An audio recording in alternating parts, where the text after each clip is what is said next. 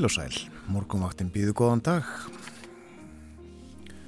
Þriðju dagurinn 16. mæjarunnin upp, lukkun og vanda nýju mínutur í sjö. Umsjónumenn þáttarins Björn Þór og Þórunni Elisabeth og við sitjum hér til nýju í dag. Eins og oftast á virkum dögum.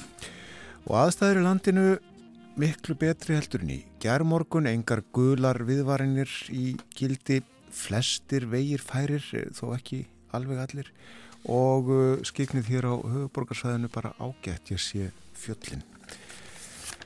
En uh, hvernig var veðrið nákvæmlega hitastígið og uh, vindræðin tveir, uh, tveggjastega hitti í Reykjavík. Það er kallt á landinu nefnið það. Kallt á landinu. En uh, viðast hægur vindur þrýr metrar í Reykjavík.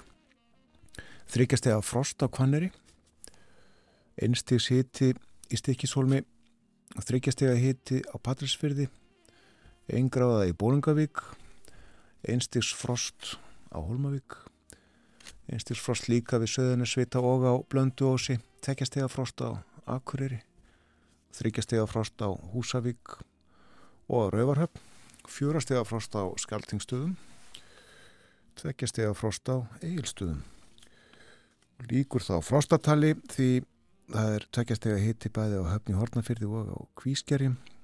Þrjárgráður á Kirkibæðaklaustri þrjárgráður á Stórhauða og þarna hljópi á mig það er tveggjastega frost í Árnesi.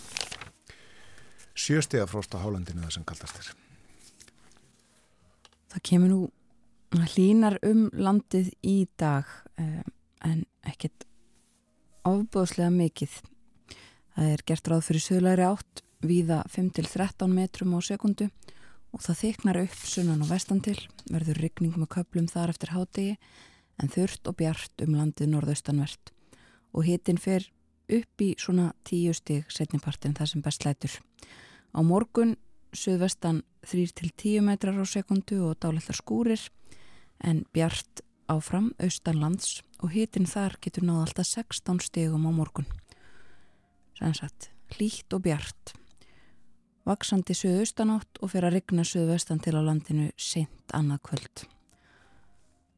Og eh, svo á fymtudag, uppstekningadag, þá er gert ráð fyrir sunnan 8 til 15 og síðan söðvestan 10 til 18. Og rigning eða skúrir. Rók og rigning sem sagt á uppstekningadag. En áfram úrkomi lítið um landið norðaustanvert og hlýjast þar alltaf 17 stegi hitti frá 8 stegum. Það er hálka á fróðarhiði og hálkublettir á nokkrum fáfarnari leiðum á Vesturlandi. Það er eitthvað um hálkubletti á Vestfjörðum og hálka eða hálkublettir á nokkrum leiðum á Norðausturlandi og hálka víða á Östurlandi og uh, verra en það, það er ófært á Vaskarði Eistra, Öksi og mjög á fjörðarheiði. Hálka á fjörðarheiði og breyðdalsiði. Jæja, uppeirunin 16. mæ dagurinn sem að uh, leiðtóðafundur Európaráðsins hefst í Reykjavík. Já. Og þeir eru konir uh, nokkrir leiðtóðana komi í gær til dæmis portugalski fórsættisráðþrann sem átti fund með Katrínu Jakobsdóttur fórsættisráðþura okkar Íslands og borðaði svo kvöldverð á apotekinu, þetta vitu við. En uh, vonaðum flestum held ég alveg öruglega í dag lenda í mista á Reykjavíkurflugulli eða Keflavíkurflugulli. Já, og svo minnum ég að það hafi verið þannig að einhverju sem lenda á Reykjavíkurflugulli uh, vélum þeirra verður svo flóið áfram til Keflavíkur til geimslu, já. ef ég mann rétt. En já, nógum að vera í höfuborgin í dag. Já, uh, margt með öðrum svip en vanalega fartegar í innanlandsflugi þeir uh, þurfa til dæmis að fara í gegnum vopnalitt og uh, fólk sem að hættir sér í miðbæinn nærri fundastanum í hörpunni það getur búist við að sjá vopnaða löguröglu þjóna við örgiskeslu. Já. Og svo er það allar þessar lokanir sem við höfum nú nefnt hér síðustu morgna sumsve, svo sem og fjallaði hefur verið um ítalega. Ég veldi fyrir mér hvort þetta tengist og ábyggilega að gera það að það verða ekki bara lokanir í miðbæ Reykjavíkur í dag heldur er gert ráð fyrir því að bústæðavegur verði lokaður að aðra áttina altanesvegur og svömmulegis um, í Kópói eitthvað lokað. Ég hugsa að það tengist einhverjum svona forgangsakstri. Allt er þetta millir 12 og 6 í dag.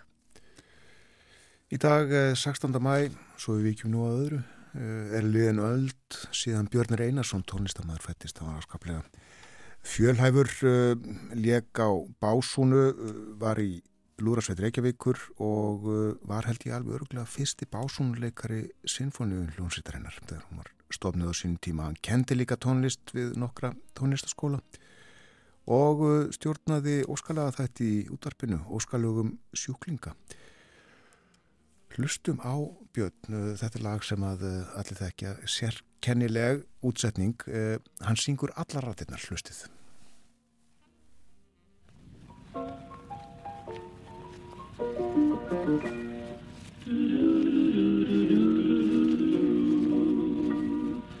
Lækur til að létti máða steinar, lítil fjóla grær við skriðu fór.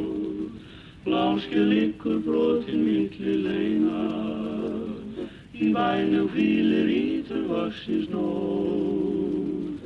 Ef við væri orðið lítur húra, ég vinnum glukkan þreytt í hlugið mér, og þó er eitt til annars mætti húra, ég eflust gæti kittla nefnir þér.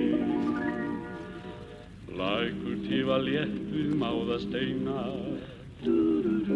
Hvítir fjóla grær við skriðu góð Gláskja liggur brotinn millir hleina. Í bænum hvílir ítur vaksins nóð Ef ég væri orðin lítur hluga Ég innum gluggan þreytt í flugin mér og þó ég eitt til annars mætti duga. Ég eflust gæti kýtla nefið þínu ef þið væri orðið lítil hruga ég innum huggan þreytti flugið mér og þó ég eitt til annars mætti duga. Ég eflust gæti kýtla nefið þínu Ég eflust gæti kýtla nefið þér. Björn Einarsson, eh, næstum því eins og kór, já allavega kvartett eða kvintett, söng þarna.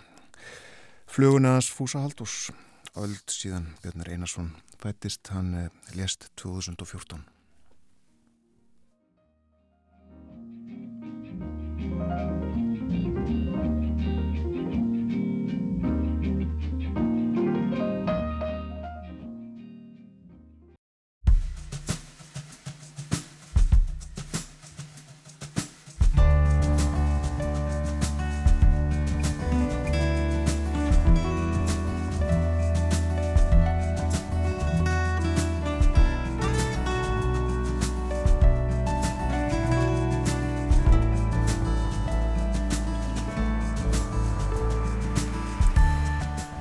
Góðan dag, morgunmaktin að ráseitt heilsar, það er þrjú dagur 16. mæ, klukkan farin að ganga 8, fjóra myndur gengin umsjón með þættinum hafa Björn Þó Sigbjörnsson og Þórun Elisabeth Bóðadóttir.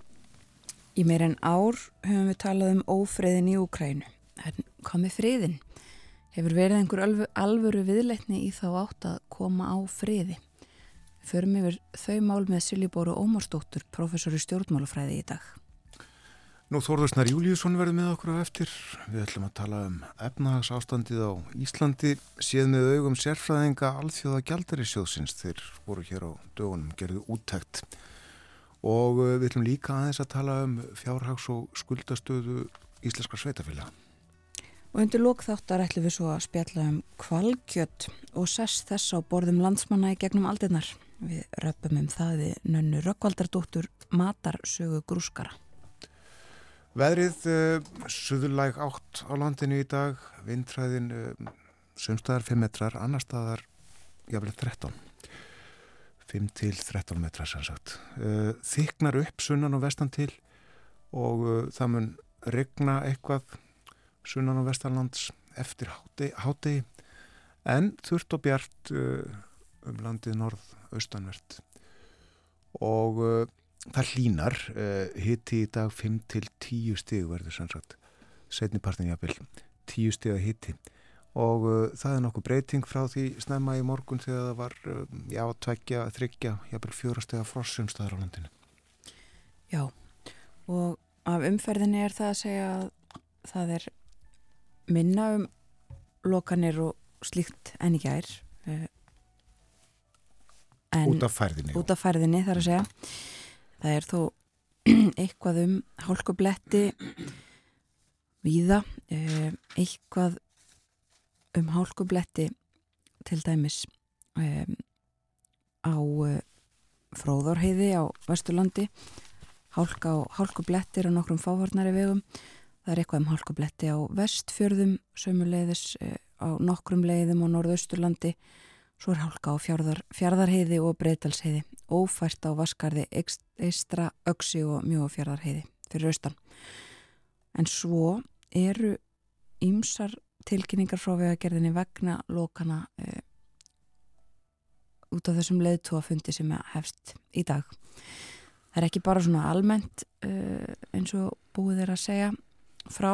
E, í dag þá verður bústaðvegur lokaður inn á Sæbraut frá 12 til 6 sömulegðis Altanesvegur við Flatarhun lokaður frá 12 til 6 og aðurrein frá KFC í Bæjarlind í Kóbói í átt til Reykjavíkur verður líka lokuð og aðurrein í átt að Reykjavík frá Fífukvamsvegi svo er lokað um, fyrir bílaumferð til vesturs á Sæbrutinni og svo er tekið fram að það má búast við stittri lókunum og umferðartöfum á Reykjanesbrutinni og þar eru vegfærandur kvartir til að reikna með lengri ferðatíma en alla jafna jafnvel tvöföldum ferðatíma.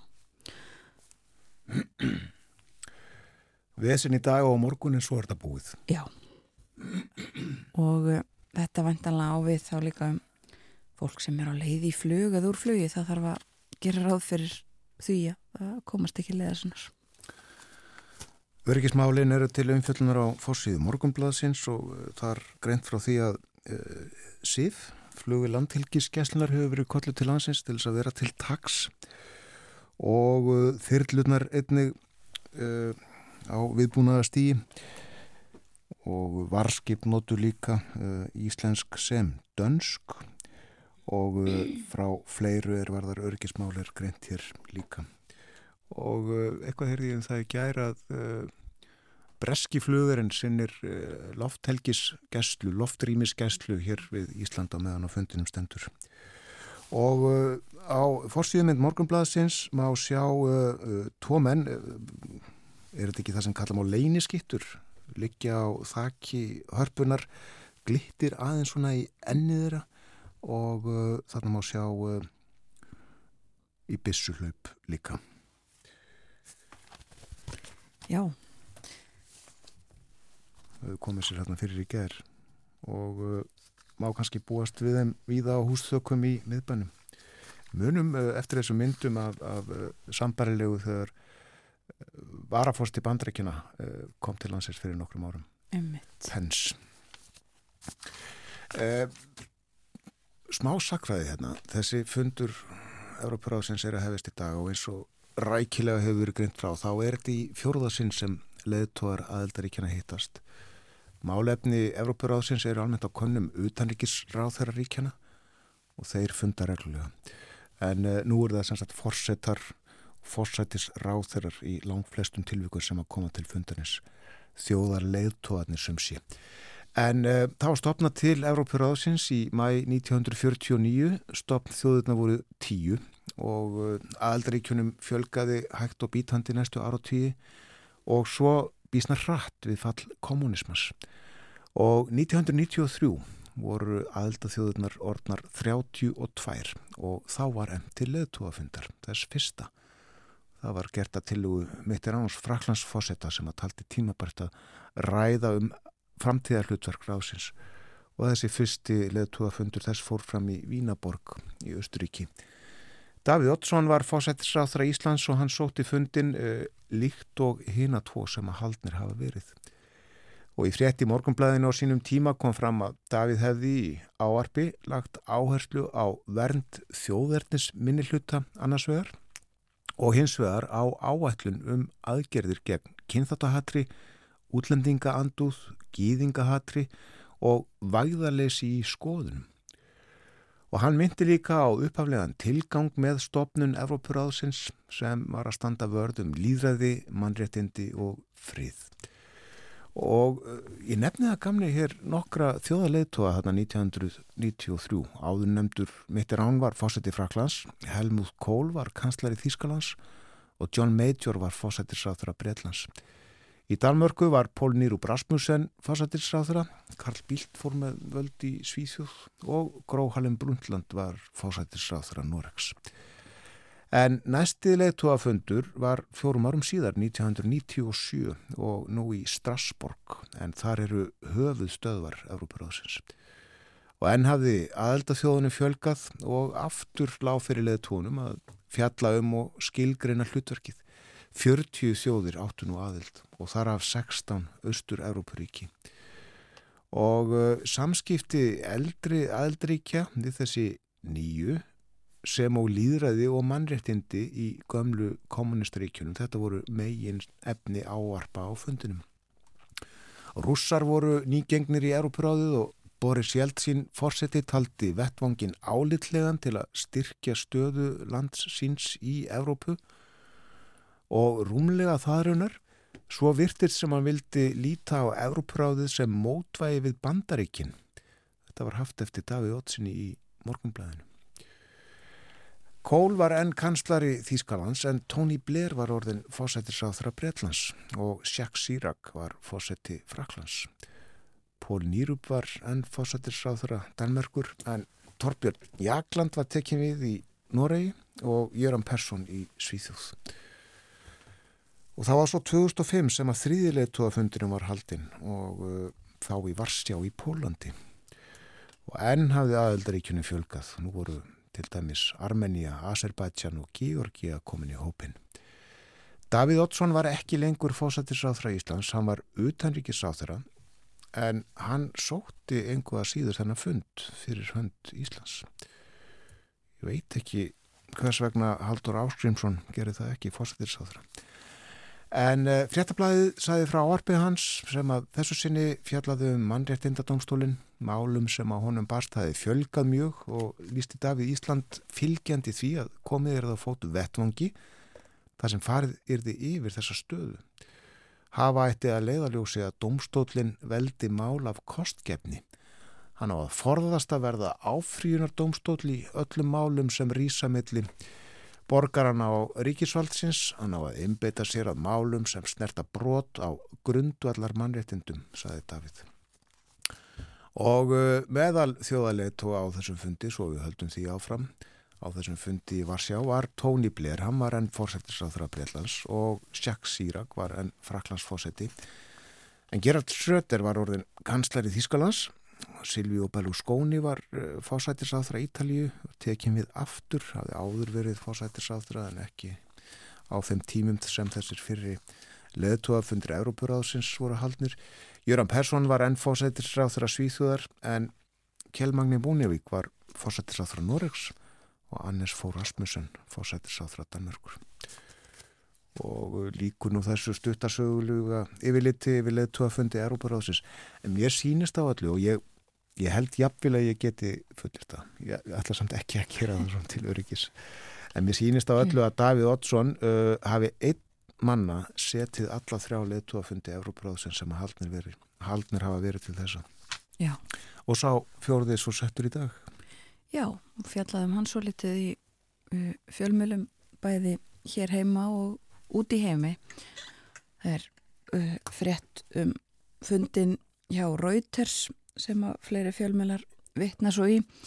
Bæðið er mitt sagt frá þessu með samkomiðlægið um að breytar sinni hér loftrýmis gæslu næstu daga og svo sagt frá því að evrópskir leðtóar muni koma til Íslands í dag fyrir þessa þennan fund, uh, tveggja dagar ástefnu og segir hér uh, að henni sé ætlað að sína Úkrænu stuðning en líka senda skilaboð um uh, grundvallar líðræðisleg gildi sem að mörgum þykji undir eh, eða sótt að innan og utan Evrópu og tekið þetta fram að þetta sé Evrópuráðið aðeins fjörði fundurinn og að eh, þetta sé algjörlega óskilt Evrópusambandinu mm -hmm. enga síður þá eru nú einhverju fjölmjölar með frettir um það að leðtóar Evrópusambandsins séu að koma til fundar í Reykjavík? En það eru auðvitað alveg rétt líka þó þeir séu ekki að koma á vegum Evrópusambandsins.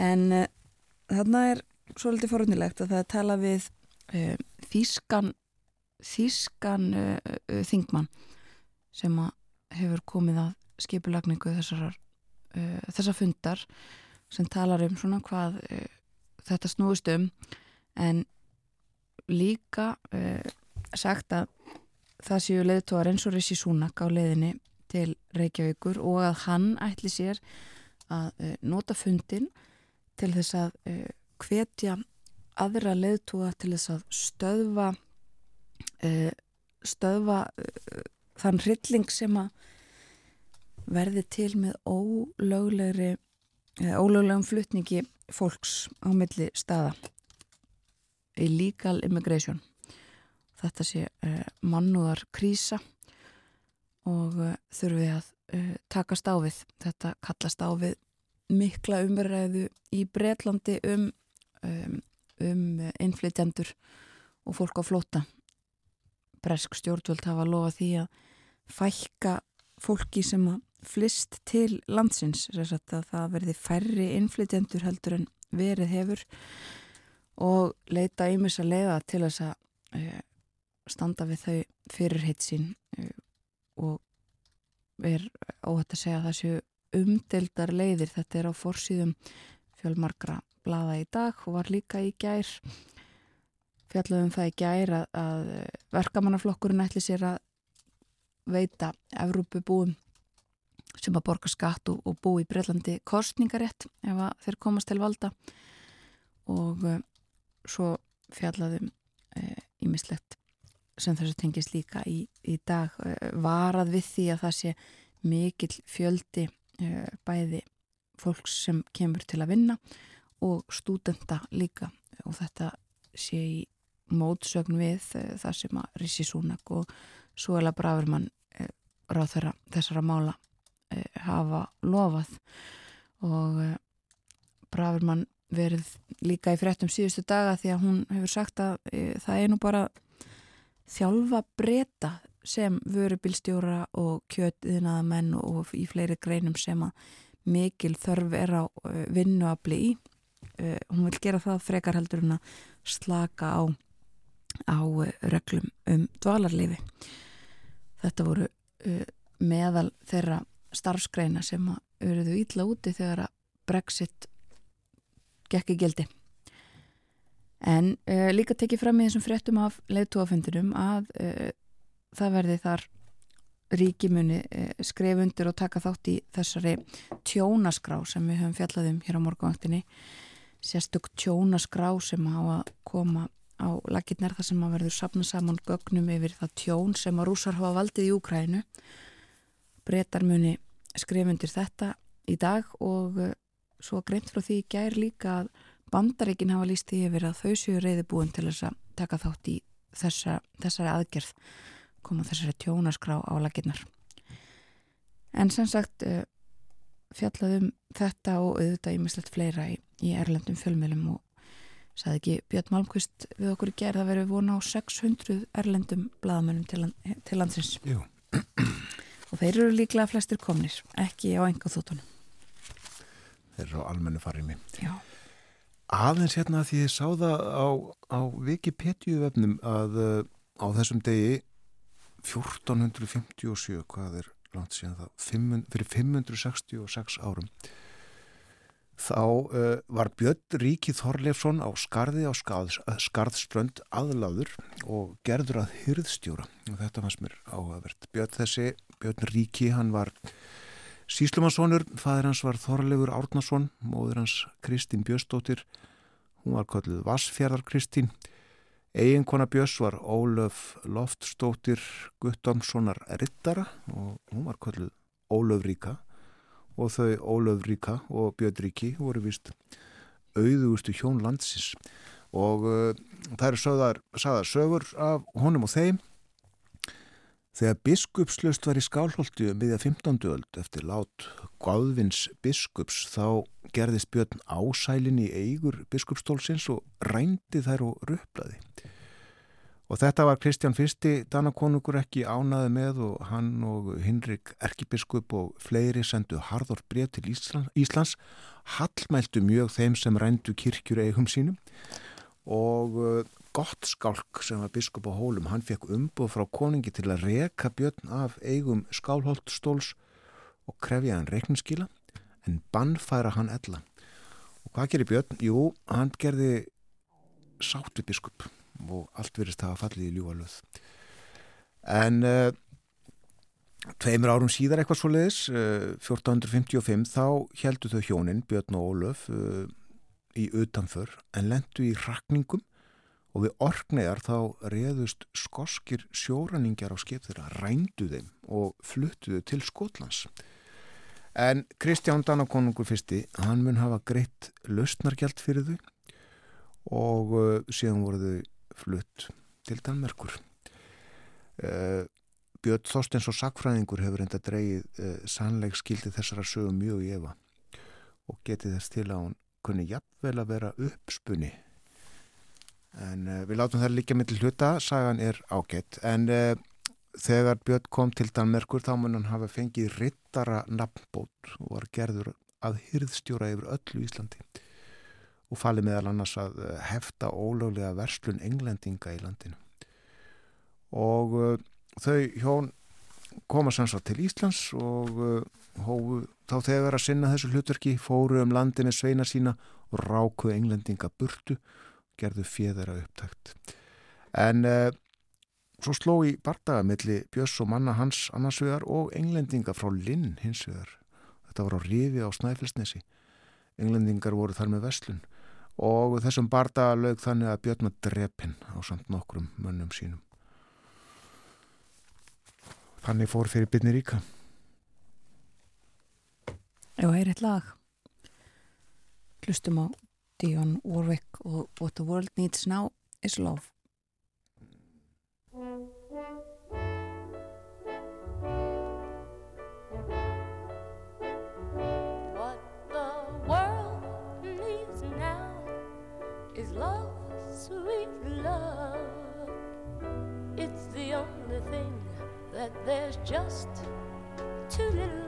But what the world needs now is love, sweet love. No, not just for some, but for everyone. Lord, we don't need another mountain. There are mountains and hillsides enough to climb.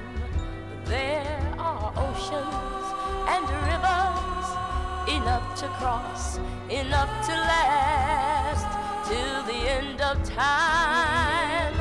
What the world needs now is love, sweet love. It's the only thing that there's just too little. What the world needs now is love, sweet love.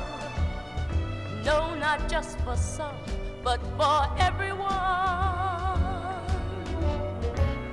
Lord, we don't need another meadow. There are cornfields and wheat fields enough to grow. There are sunbeams and moonbeams enough to shine. Oh, listen, Lord, if you want to know.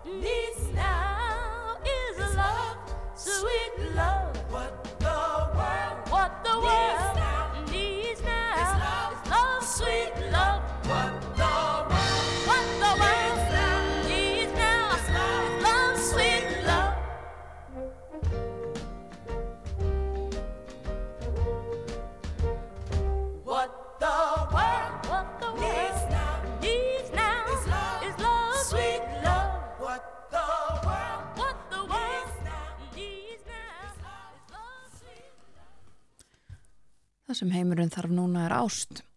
Díon Vorek söng þetta, Þetta var alltaf við held ég. held ég. Þetta er örgulega 50 ára gammal lag svo leiðis. Já. Við fyrum að hleypa fréttastofinni að það líður að yfirliti morgun frétta að því loknu verður hér með okkur Þórður Snær Júliusson.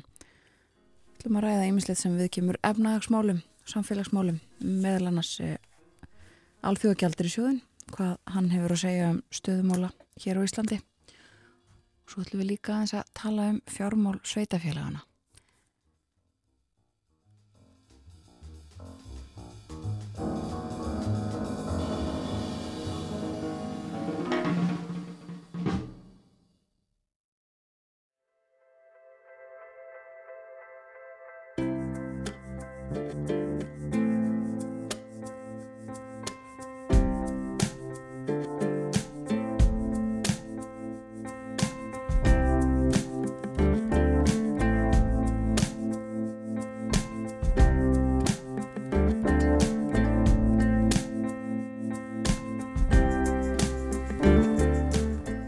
Aftur þér að hlusta á morgunvaktina á Ráseitt. Það er þriðu dagur í dag, klukkan núna rétt rúnlega hálf átta og uh, þokkalegt viður á landinu, svalt, svolítið hittin svona öðru hvoru megin við frostmarkið akkurat núna en uh, nær kannski tíu stigum þegar hlýjast verður setnipartin í dag ekki satt þorun. Jú, það er bara alveg rétt og það er sem sagt hæðar hryggur yfir austanverðu landinu sem fer austur en skil nálgast úr vestri. Já.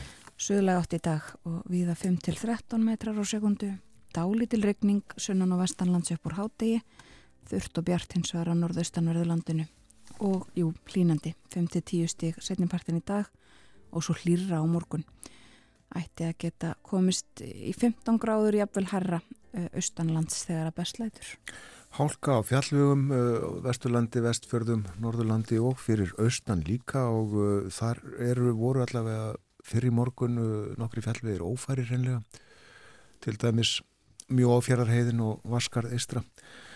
En uh, yfir aðrar heiðar ætti að vera hægt að fara í dag til dæmis uh, holtavöruheiðina, uh, það þurfti að loka henni um tíma í gær sem var óeppilegt fyrir uh, stuðningsmenn Köruboltaliðs Vals sem að uh, sátu fastir á heiðinni eða komust ekki upp á hana á leið sinni til Söðokróks til þess að uh, sjá Val og Tindastól eigast við í fjórða leiknum í úrslitarimunni um Íslandsmeistaratitilin í Körubolta. Valur vann og uh, það gerir það að verkum að uh, liðin mætast í fymta sinn og síðasta uh, annarkvöld eða fymtudagi líklega frekar fymtudagin. Það verður hreitn úrslitaleikur um titilin. Þetta var litla íþróttahornið hér á morgunvaktinni. Nú, uh, ég minni á að hér eftir morgunfréttinar uh, þá uh, ætlum við að spyrja svona í tengslu við leðtúafund Európuráðsinn sem að haldin er vegna innrása rúsa í Úkrænu hafa verið gerðar einhverjar alveru tilrunir uh, til þess að uh, stilla til friðar uh, í því fælistöðu að fá Pútín til þess að láta af hernaðinum.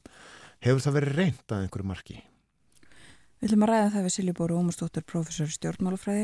Það hafa einhver, einhverjir svona lagt fram einhverju tillegur og fleira slíkt en það er mitt eins og segir krefðist þess að Pútín uh, og rússar hættu og letu af hernaði. Uh, friður verður að vera réttlátur sá ég uh, haft eftir selenski Úkræni fórseta fyrir einhverju síðan.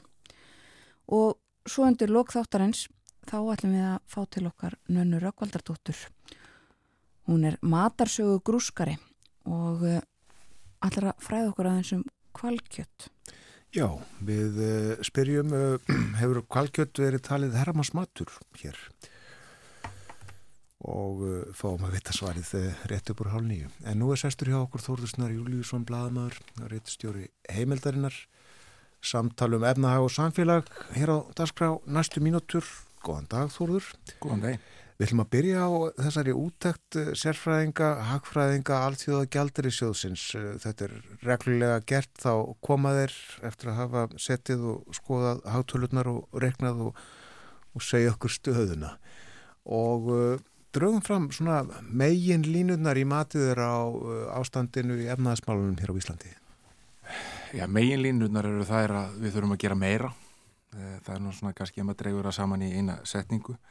Uh, þeirra mat er að, hérna, jú, hagvastahorfur hér eru fremur jákvæðar og hérna, en uh, þessum hagvexti sem við erum að framkvæmla uh, aðalega með auðvitað aukinni enganislu og svo vexti ferðarþjónustu fylgja, tölvöld ójabægi og áhætta, ímiðskonar áhætta í kerfinu. Þar eru auðvitað látu verðbólka og, og, og svo auðvitað spenna í tengslu við komandi kjærverðar, stærstu áhættu áættu uh, faktorarnir og uh, líka þrengri, það sem þeir kalla þrengli alþjóða, alþjóðlega fjármálaskiliri sem svona á mannamáli því það að peningar eru dýrari fyrir þá sem þurfa á þeim að halda fjármálafyrirtæki og aðra sem þurfa að endur fjármagna rekstur sinn með einhverjum hætti. Vextinnir eru hæri. Já, og þeir segja að hér, hér þurfi að hækka stýrvexti meira og þeir þurfa að haldast háir lengi sem eru ekki góða fréttir fyrir þá sem uh, verða fyrir áhrifum af stýrivöxtum og sem eru með til dæmis húsnæðislán uh, hér á Íslandi eða, eða lítil og meðarstór fyrirtæki sem eru fjármögnuð í krónuhagkernu uh, þeir segja að það þurfu meira aðhald og hveitir til þess að, að þessar reglur, þessar fjármála reglur sem voru teknar úr sambandi hérna í kringum kórunu veru faraldurinn til þess að veita Eh, fyrir ríki og sveitafjölög eh, svo þau getur eitt sér í gegnum það ástand eh, að þau verður landa gildi ári fyrir en allir er. Og ef að af því er því þá þetta aðlæga allar áallanir, fjármála áallanir af því og það er nokkið langt síðan fimm ára fjármála áallun ríks, ríkstjórnarnar var lögð fram þannig að það er nú ósennlegt að, að, að það sé í kortónum slíkt aðhald þannig að það er svona uh, margt sem er bent á þarna sem er mjög aðtiklisvert og svo komaði líka með svona já, ábyrtingar sem lúta að stjórnkerfi Sæðlabankans sem vöktu aðtikli meðal annars segir í áliti sendinemdarinnar að sjálfstæði fjármála eftir litar Sæðlabankans til eh,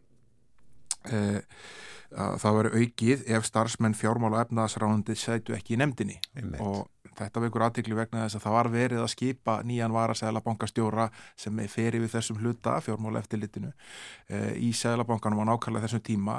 Og einn af þeim sem var að sækja þar um og hafi verið metinn hæfust ását öðrum umsækjanda er starfsmæður fjármála efnaðasráðandi sem satt í þessari nefnd það er að segja Guðrún Þorleistóttir skrifstofustjóri í fjármála efnaðasráðandinu og hún dró umsók sína tilbaka sama dag og tilkynnt var um eh, hver, hver það var sem fjármála efnaðarslára tilnemdi sem næsta hérna uh, var að sela bankastjóra og svo er það fórsettisráðara sem skipar í, í, í, hérna, í starfið uh, og uh, þar var, varð Björg Sigur Gísladóttir sem vinnur inn að sela bankans fyrir valinu. Einmitt. Þannig að þarna eru ábyrtingar frá Alþjóð og Gjaldirisjónu sem eru svona já, með aðfinnslur að því hvernig stjórnstíslunur er háttað og hvernig sjálfstæði sælabókars er, er, er, er varið og, og, og, og jafnvel má segja að þær séu svona uh, pólitískar uh, þannig að hérna, þetta vakti aðdegli mína líka. Já, en uh, að svona efnaðslega þættinum er eitthvað annað eða annar tótt heldur við heyrum og sjáum í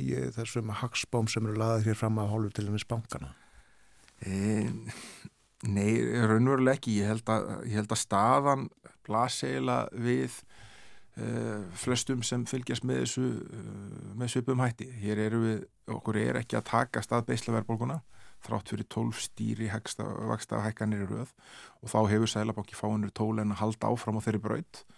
Uh, við erum núna komið verðbólgu á breyðum grunni ekki með svona kannski einhverja ákveðna þætti sem eru leiðandi í verðbólguna sem við vorum með hér upp á þessa fyrir þegar húsnæðisverð var að leiða náfram og hérna og þá greipið til ímis rástafana til þess að vinna á henni en núna er hún bara á breyðungurinn og verðist vera mjög erfitt fyrir okkur að finna leiði til þess að takast á við hana.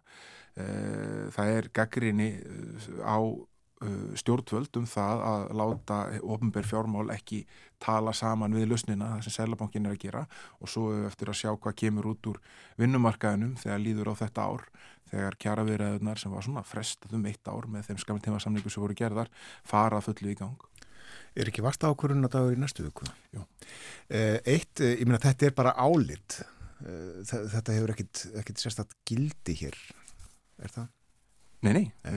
þetta er bara, hérna, þetta eru bara, bara alþjóðstofnun að, hérna, að koma og Uh, skoða okkur og, hérna, og það þetta eru þetta alþjóðastofnum með mikinn trúveruleika og uh, sem hefur leikið þetta ákveði leikið hlutverk í það að endur þess að trúveruleika Íslands efnaðslífs á undarföldnum árum, skulum ekki glema því að við fórum í, fórum í prógram hjá Arþjóðgjaldarisjónum hérna eftir hrun sem lukkaði tala að hafa lukkast mjög vel, þar sem hann líka sjóðurinn beitti Eh, öðru meðulum en hann var kannski þekktur fyrir ekki bara uh, niðurskurðar hnipnum til þess að ná jafnvegi rætt heldur uh, tók meira tillit til aðstæna og, hérna, og, og, og svona samsetningar í Íslands samfélags við þá áallun sem hann mótaði mm. Svo hjálpuðu makrillin og ferðamennindir líka. Vissulega og þetta gældir í söft og það geta eh, lokað kröfu hafa út í hotnum það að skilja eftir alla íslensku penningarna sína. Já. Einmitt, það kom ímislega þarna saman. Eh, en við ætlum að tala um annað, það er töluverð umræða og hefur verið um eh, báa fjárhástöðu sérstaklega Reykjavíkuborgar. Þetta reglulega við talaðum um einmitt bara stöðu sveitafélagana eh, og ekki síst sveitafélagana á höfuborgarsvæðinu en þú hefur lagst í greiningavinnu á þessu stöðunni á eh, fjárhæð þessara sveitafélaga sem eru hér á höfuborgarsvæðinu og er Reykjavík í svona ofbúðslega vandamálum eins og uh, oft er talað um í fjölmjölum? Sko það skal ekkert uh, vera að hérna, breyða yfir það að staða sveitafjöla almennt er bara uh, hratt að fara mjög vestnandi fjárastæða sveitafjöla er mun verri en uh, kannski margir ætluði fyrir ekkit svo lengur síðan. Það endur speiklast að einhverju leiti í síðasta álsöpgjöri Reykjavíkuborgar þar sem Reykjavíkuborg uh, ætlaði sér að reyka allutan sem er ekki fyrir skatt við 2,8 miljardar tapi en tapi reyndist vera 15,6 miljardar það eru þetta svakalög munur, þarna munar 12,8 miljardum og eh, staða, skuldastaða Reykjavíkuborgar og, og fjárhagstaða Reykjavíkuborgar hefur verið að fara vestnandi en uh, það má ætla að umræðuna með sér ykkur leiti eins og Reykjavíkuborg sé ykkur skonar eiland í þessu samhengi. Og uh, svo er alls ekki. Ef við skoðum þrjá svona þekta þrjú þekkt viðmið sem eru nótið þess að skilgan einhver fjárastega sveitafélag er og horfum á allutan sem er reygin fyrir skattfið þá er uh, skuldar hlutfall Reykjavíkuborgar það næstlegsta á höfuborgarsvæðinu það er 112 en það er 111 í Kóbói þannig að það er núna eiginlega bara sama skulda hlutfall og svo er það uh, verra í Hafnafyrði, Garðabæ, Mósesbæ og Seldjarnissi, hæst í Hafnafyrði þar sem er 136%. Ef við skoðum skuldir á hvern íbúa þá eru þær aftur lægstar í Kópói, rétt rúmlega 1200.000 en þær eru síðan rétt tæplega 1250.000 í Reykjavík á meðan þær eru hæstar í Hafnafyrði tæplega 1700.000. Þannig að þarna er aftur, bara Reykjavík og Kópói svona daldið uh, sér á báti með skaplustu stöðuna og svo uh, þriði mælikvarinn sem hættir að skoða er svo kallar veldufjárhlutfall sem segir til um getu sveitafélaga til þess, svona peningalega stöðu þeirra um á, á áramót til þess að, svona, að borga uh, hvaða lausa fyrir á sveitafélagi til þess að standa við útistandi skuldir sem gjaldfalla á því ári og greiða aðrar lausa skuldir. Og þurfarputareglan þar er að, að, að veldufjárhlutfalli á að vera yfir einum, þá ertu í lægi Reykjavík er með veltufjárhlutu 1,1, það eru farið mjög lækandi á undanfjöndum ára og var 1,5 í áslug 2021 og það er ágefni uh, en Reykjavíkborg er eina sveitafjárlega á höfbruksvæðinu sem er með veltufjárhlutu yfir einum.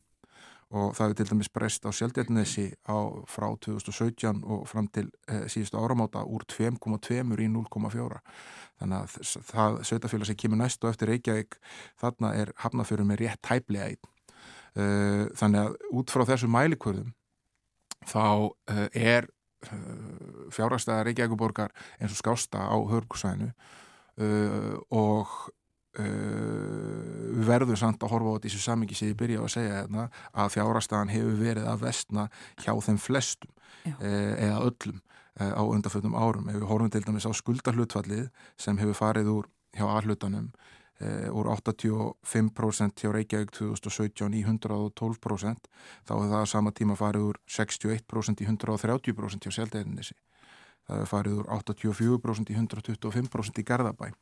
Og það er hægt að halda svona áfram. Eiginlega eini sveitafélagi sem hefur verið að lækka skuldahlutfallið sitt sem einhverju nemur eh, Kópáður höfurindar að gera það líka og svo Hafnafjörður sem var með mjög hátt skuldahlutfallið yfir 150% og er núna komið niður í 130% 136%. Já, en er hann með hæsta skuldurluðfallið á höfuborgarsvæðinu? Já, þegar eh, hefur að horfa á alluta rekstussin. Svo áreikjaðu þessi fyrirtæki sem eru bérlutin, Orkuveitan sem á 450 miljar eignir og er með einn fyrir upp á ja, 50-60% og, félagsbústæði 3100 íbúðir sem er sama, bæði fyrirtæki reikinni miklum hagnaði og með hátt eigin fjárhuldall sem ég held að engin efist um að, að munu, myndu eiga fyrir skuldum sínum ef þau eru gerð upp þannig að hérna, svo er hægt að blanda bílutanum inn í þetta en þá er engin önnur eh, sveitafélög sem eiga e, fyrirtæki að sem er stærðagráðu og reykjagabók. Nei, þannig að þetta er svona hreinlegast í samanbyrðurinn. Ja, þetta eru sá hluti rekstusinn sem er reygin fyrir skattfi. Mm -hmm.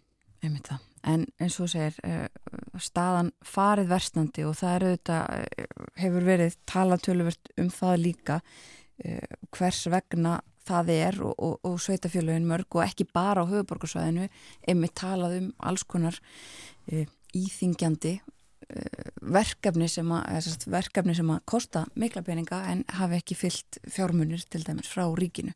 Já, það eru þetta uh, málflokkur fallara sem var fariður í viti sveitafjölagana fyrir uh, rúm áratug og hérna og og hefur, uh, fjármagn hefur ekki fyllt með þar, ég held að sé nú bara nokkuð svona uh, almennt flesti sem koma þessum málum sammála um það. Já. það hefur gripið til ykkur aðgerið til þess að reyna að mæta því. Svo auðvitað er, er hlut af skuldum uh, sveitufélagana verðtriðar og þá hefur verðbólgan mikil áhrif á, á, á, á þessa stöðu Uh, en svo eru líka ákvarðanir sem eru teknar í sveitafélögum sem hafa þetta bein áhrif. Við sjáum til dæmis það sem gerist í Árborg er, er uh, meðal annars vegna þess að, að þar voru ekki lögð á í með skjöld eins og innviða gjöld uh, þegar það var farið í mikla uppbyggingu. Það er ekki verið að rukka með sama hættu að rukka fyrir lóðir hér á höfbúksvæðinu og uh, uppbyggingu fylgja hvaðir fyrir sveitafjölug þau þurfa að fara í alls konar innviðað uppbyggingu til þess að þjónusta fólki sem á búa það er að byggja leikskóla og skóla og, og alls konar svona.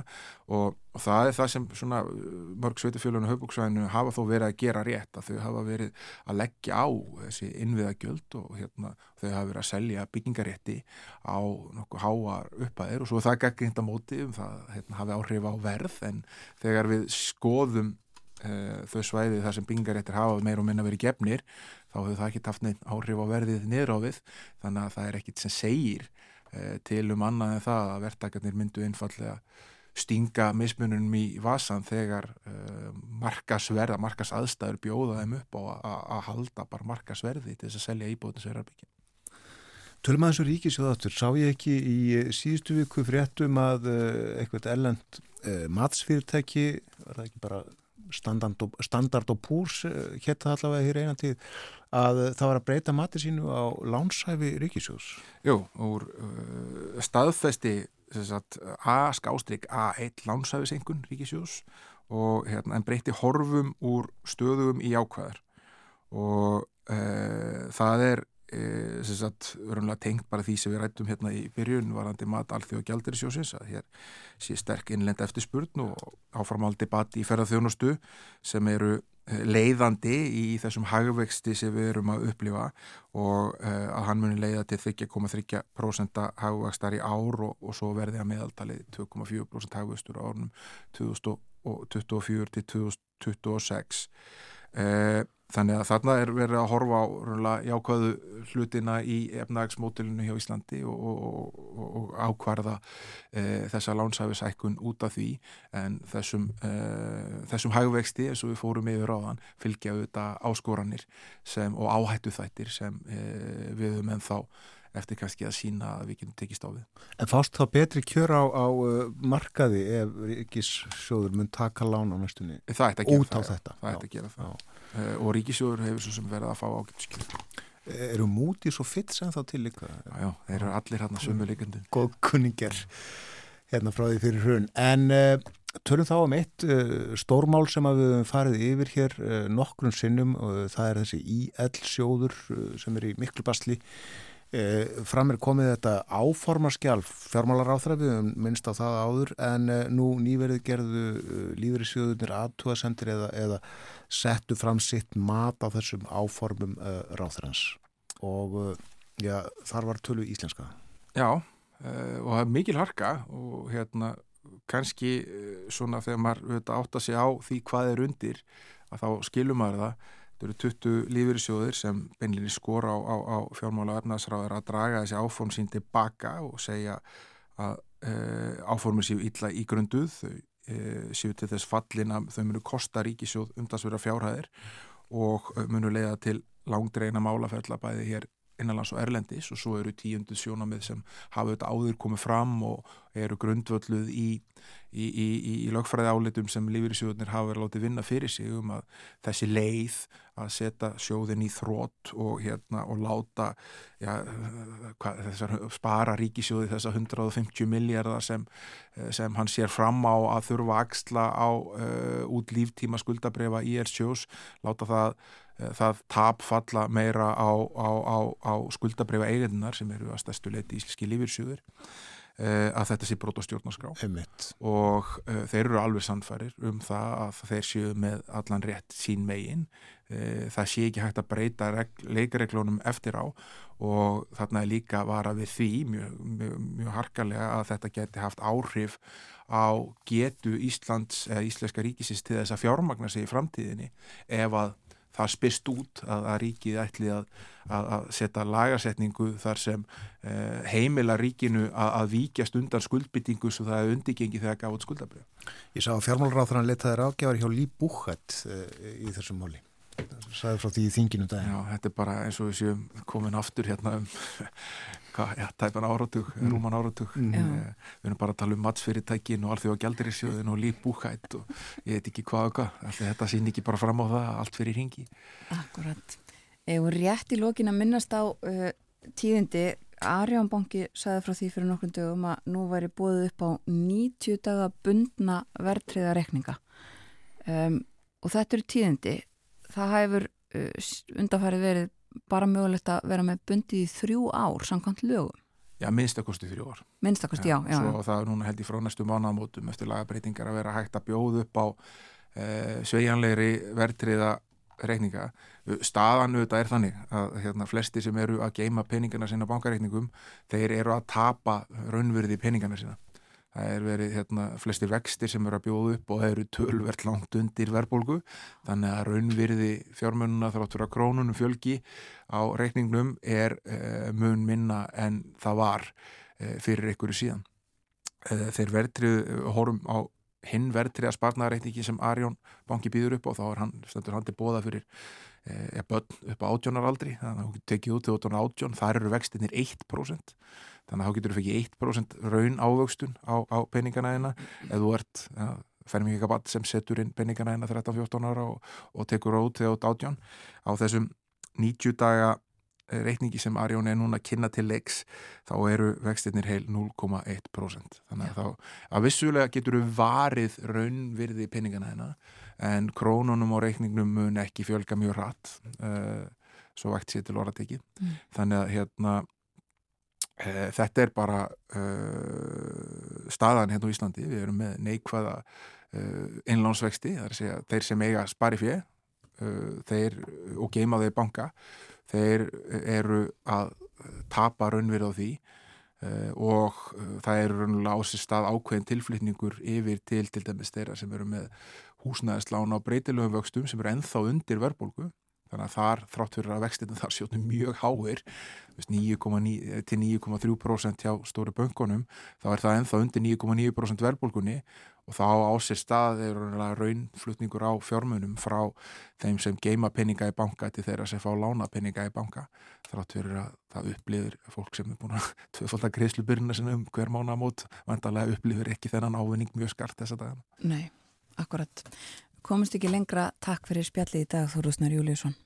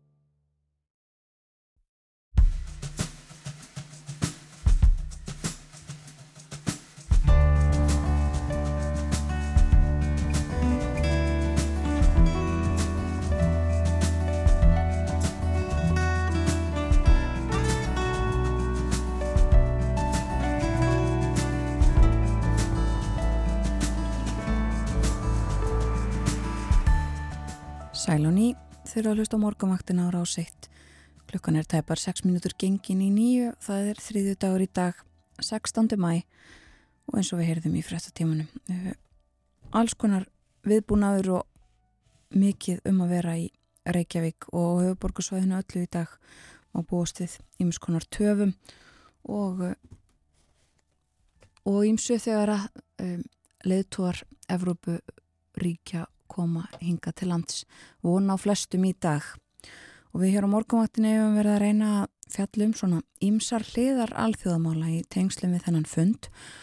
Og eh, fundurinu þetta haldinn í tilefni, eða tilefnið er innrás rúsa í Úkrænu staðamála þá að uh, tala um Úkrænu og mögulega vona á Úkrænu fórsett eins og við heyrðum í frettunum áðan. Þó ég heldi nú að það hefur verið gefið út í gær að uh, hann myndi ávarpa fundin í gegnum uh, fjarfundabúnað en það getur breyst en já, okkur langar næstu mínutunar að ná utanum fríðar tilugur uh, hvort að einhverju slíkar hafi verið reyndar hverjar þá og hvernig þetta gæti litið allt saman út. Í símanum er Silja Bóra Ómarsdóttir, professor í stjórnmálafræði við Háskóla Íslands. Góðan dag Silja Bóra. Já, góðan dag. Hafa einhverjar viðræður átt sér stað um frið millir Úslands og Úkrænu? Já, það hafa verið nokkrar tilraunir, uh, reyndar uh, svona skýrastarna strax í upphafi þegar að uh, Kvítarúsland eða Belarus uh, bauð hérna báðum aðeilum að koma til Minsk og, eða þar samtöl, þá voru svona gerða tvær þrjár tilraunir til þess að halda fundi, síðan uh, stegi Tyrkland fram og, og bauðst þess að reyna meðla málum og einhvern hátt Þar var örstuttur fundur í, í apríli fyrra uh, og síðan voru fjárfundir sem var svona mjög guðst, kannski eitthvað aðeins áfram en uh, það náttúrulega gekk ekki. Það er oft sagt í samningatekni svona fræðunum að, að uh, það þarf bara að hefnast einu sinni til að, að, að ná árangri þannig að, að það skiptir máli að halda áfram að reyna. Síðan hefur verið svona frá því haust að mestu verið bara uh, yfirlýsingar frá leðtogum, bæði uh, þjóðaleðtogum og, og, og hernaðar hérna og auðvitaðrikisráþurum og, og öðrum slíkum. Mest bara yfirlýsingar um hvað þurfi til þess að, að ná árangri í því að, að semja um frið en uh, líkilatrið eru þetta báðir aðilast þurfa að sjá sér hagi því að setjast á samningaborðinu þar sé að það verði komin þannig staða upp að, að hún sé ekki besti valkosturinn um að halda áfram og það sem við höfum séð hjá kannski í, í málflutningi Selenskis mjög skýrst er að, að hann er ekki tilbúin til þess að, að uh, semja um vopnalli á núverandi grundverli til dæmis landamæra mm -hmm. vegna þess að að endur heimt landamæra Úkrænu er eitt af þeim líkil atriðum sem, sem að hann setur fram þannig að, að það dögur ekki að sem í vopnaflið uh, heldur þarf að, að setjast á borðinu og, og ná fríðarsamningum sem að, að hann hefur lagt fram með Úkræna uh, ákveðna svona tíu punta sem að verða líkilatrið í, í mögulegum samningum og útkomu. Þar að segja að ná samningum um að tryggja kjarnorku, í séu þetta mikið fréttum, uh, öryggi þess og, og uh, kjarnorku framlegslu í Úkrænu og, og nágræni, fæðuryggi sem var auðvitað útflutning á og Kortni hérna, þar sem að, að Úkræna er eitt stæsti fæðu útflytjandi uh, í Evrópu. Orkuöryggi, það er líka verð á, á orku frá Rúslandi en, en innviðir sem að þarf að bæði endur heimta og byggja upp og verja. Uh, það er uh, fangar, staða þeirra, stríðsfangar og, og börn sem, verið, sem hefur rænt frá Úkrænu og, og eru í Rúslandi, hafa verið jafnvel sett í fóstur eða í ætlaðikaferli þar landamærin eins og ég var að tala um mm -hmm. það er að rúsneskir hermenn e, fari frá Úkrænu og þá er eftir að þeir fari frá e, sérst, því landi sem Úkræna gerir kröfu til það verið settur á fót e, sérstakur stríðsklæpa domstól vistmórð sem að, að hefur svolítið umræðinu på síðkastið að, að það verið gert upp hvort að það hafi verið þar að segja hvort að jarðvegur og, og umhverfi hafi verið markvist eðilagt og, og gert ónýtanlegt til framtíðar Eh, það er líka kallað eftir endurskoðan á öryggisskipla í Evrópu. Eh, við heyrum ofta að, að Rúsland mun ekki samþykja að, að Ukraina gangi í NATO. Eh, það er mögulega, getur þá ekki gerst, en þá þarf að, að horfa þá á hvernig öðruvísi er hægt að tryggja hérna, öryggi Ukraínu, hvaða hverslags stofnarnaskipula getur gert það og svo að sérst, friðarsamningar, ekki bara vopnallísamningar, heldur friðarsamningar verið undir þetta og þetta er auðvitað gríðarlega umfangsmikið Já. og uh, margir þættir þarna sem að svona líka hanga saman, það er ekki hægt að ná einu atrið ef að annað er ekki, er ekki uppfyllt. Og uh, eitt af því sem að verður áhugavert að sjá er sko hvaða, vegna oft er, er kallað eftir því að það komi þriði aðili, utanakomandi aðili sem að, að uh, verði sáttamidlarinn, uh, við hefum séð svona uh, fíkurum sem allt í attisari fyrir hundi fórseti eh, Finnlands, minna hann að vera fórseti sem að, að hefur sem að, sem að taka sér svona stöðu og, og pendla á milli e, höfuborga og, og semja og færas og fólk saman að samningaborðinu. E, Kína hefur svona reynt að, að stíga inn í þetta. E, Tyrkland hefur gert það, Bandaríkin líka gefið eitthvað í skinn en hérna Kína tilögum þeirra hefur svona verið tekið fálega á Vesturlöndum uh, og aðalega svona horta á uh, svona vestur, vestur við svona fræðimennir á vesturlandum kannski horfum frekar á það að að, að kemur stjórnvöld séu frekar reyna stilla sér upp sko gagvart uh, þróunalandum, segja að þau muni verða friðar hérna eða sáttamidlarar í framtíðinni þar og að það sé verið líka að Kína sé svona reyna að stilla sér upp gagvart Evrópu vegna að Kína þetta er gríðarlega hérna stert fjárherslega og er kannski einnar líklegast til að geta sett peningi í uppbygging Úkrænu að uh, stríðinu loknu. Einmitt. Þannig að, að það sé svona kannski aðeins öður önnur markmið heldur en að, að bara ná friði. Já, en já, sko Selenski með þessa tíu punta tillögu, um, en hvað með rússana? Þeir eru auðvitað innrásar aðlinn og eins og þú sagði ráðan friðar við þarnast þess að báðir aðlar sjá sér einhvern hag í þeim. Uh, hefur heyrst eitthvað frá rússum varðandi þessi mál? ekki svona skýrt það er bara að, að hérna, uh, þeir hafa sett fram að, að þeir vilji ná sínum markmiðum og þá er það, það kannski fyrst og fremst þetta sem að að, er að, að, að verja rúsa hérna, og það er kannski svona, þú veist, að rússar séu minni hlutahópur sem að þurfa að verja inn í Úgrænu og það sem að rússar hafa gert í gegnum tíðina, það sem eru við að kalla það sem eru frosin átök þar sem að, rúsneskir eh, borgarar hafa flutt eh, inn á ákveðin svæði og eru þar minnilitahópar en þau gera það jafnvel að undirlægi rúsneska stjórnvalda.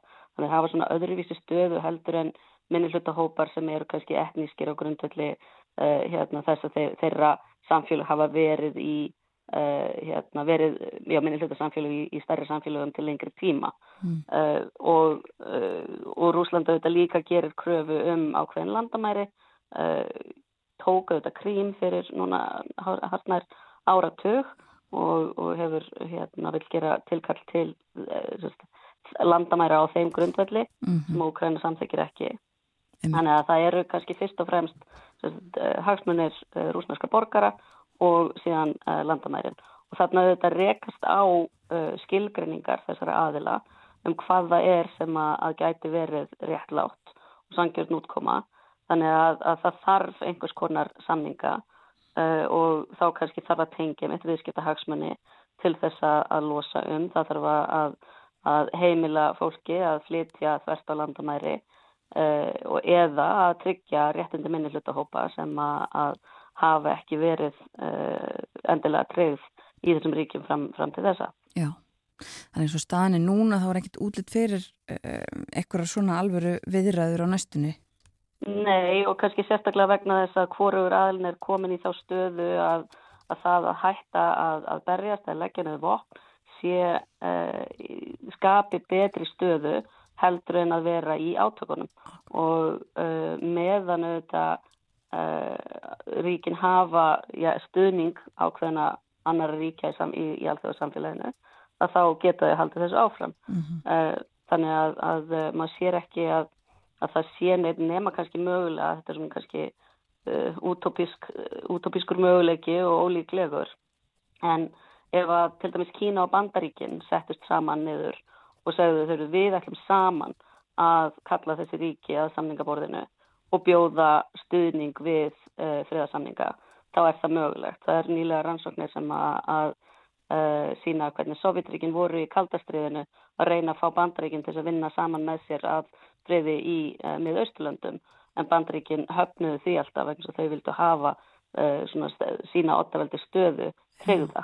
Yeah. Þannig að, að svona, já, við sjáum ekkit endilega sko einhverja augljósa leið en ef að, að stórveldin taka sér saman og uh, standa saman með friði uh, og, og, og bjóða einhverja svona konkrétt uh, stuðning til begja aðila, þá er möguleik að við sjáum eitthvað hrefust. En annars munum við bara halda áfram að sjá þetta, uh, þessi átök uh, í raun og veru þau bara halda áfram þanga til að, að, að annar aðilin hefur ekki, uh, bara hefur ekki styrkt þess að að uh, halda fram að berjast. Já, einmitt. Og þá bara aðeins í lokin, um, mm. sko, þá líkur stríðinu einhvern veginn, við veitum það auðvitað ekki, en getur við eitthvað dreyið upp einhverja mögulegar sviðsmyndir af því hvernig, hvernig staðamála verður þá hva, og í framhaldinu? Já, það er auðvitað, sko, Rúslandi hefur auðvitað endur tekið hvort sem það hefur verið keisaraveldið, Sovjetríkin eða, eða Rúsland svona síðustu 30 árin hefur endur tekið uh, eh, sínt í raun og veru eða gert kröfu til þess að stýra eh, auðaríkismálum nágranna landa sinna þetta er svona að kalla á, á hérna þetta er svona hérna hinn hin nálægu útlönd the near abroad er, er hérna enski frasinn utanum þetta. Hérna að það er hlutur sem að, að gengur í raun og veru ekki upp í alþjóða kerfinu samkvæmt uh, bara stoppsáttmála saminnið þjóðana þá fer hvert ríki með sinn fullveldis rétt þannig að þetta er til dæmis eitt af því sem að þyrti sannilega breytast. Uh, þetta kallar auðvitað á í raun og veru endurskoðun á bara grundvallar gildum í Rúslandi sem að, eða grundvallar gildum rúsnarska ríkisins sem er ekkert sjálfsagt að við sjáum. Uh, Úkræna mun væntanlega leita áfram eins og hefur verið að gera síðustu árin meira til Evrópu. Uh, reyna að komast inn í þetta er núna orðið uh, hérna, umsóknaríki í Evropasambandinu og, og ná að dýfka þessi tengsl. Og það mun skapa að óbreyttu áframhaldandi spennu í samskiptum við Úsland. Ef Kína kemur inn uh, í til dæmis uppbyggingafasa í Úkrænu þá stillir það kannski af eitthvað af þessum uh, af þeirri ógn sem að, að rúsa skinja af, af breytingum þar í landi. Uh, þannig að það gæti mögulega verið leið til þess að aftur ef, ef að Kína kemur að friðarsamningum sem marktækur sattamöðlari að þá gæti það stilt einhvers konar spennu af Já. Það er mjög erfitt að sjá fyrir sér í dag hvernig, hvernig þetta gæti þróast. Einmitt. Já, flókin staða þetta sem eru uppi. Kærar þakkir fyrir að spjalla við okkur á morgunvaktinni Selja Bára Ómarsdóttir, professor stjórnmálfræði. Takk, takk.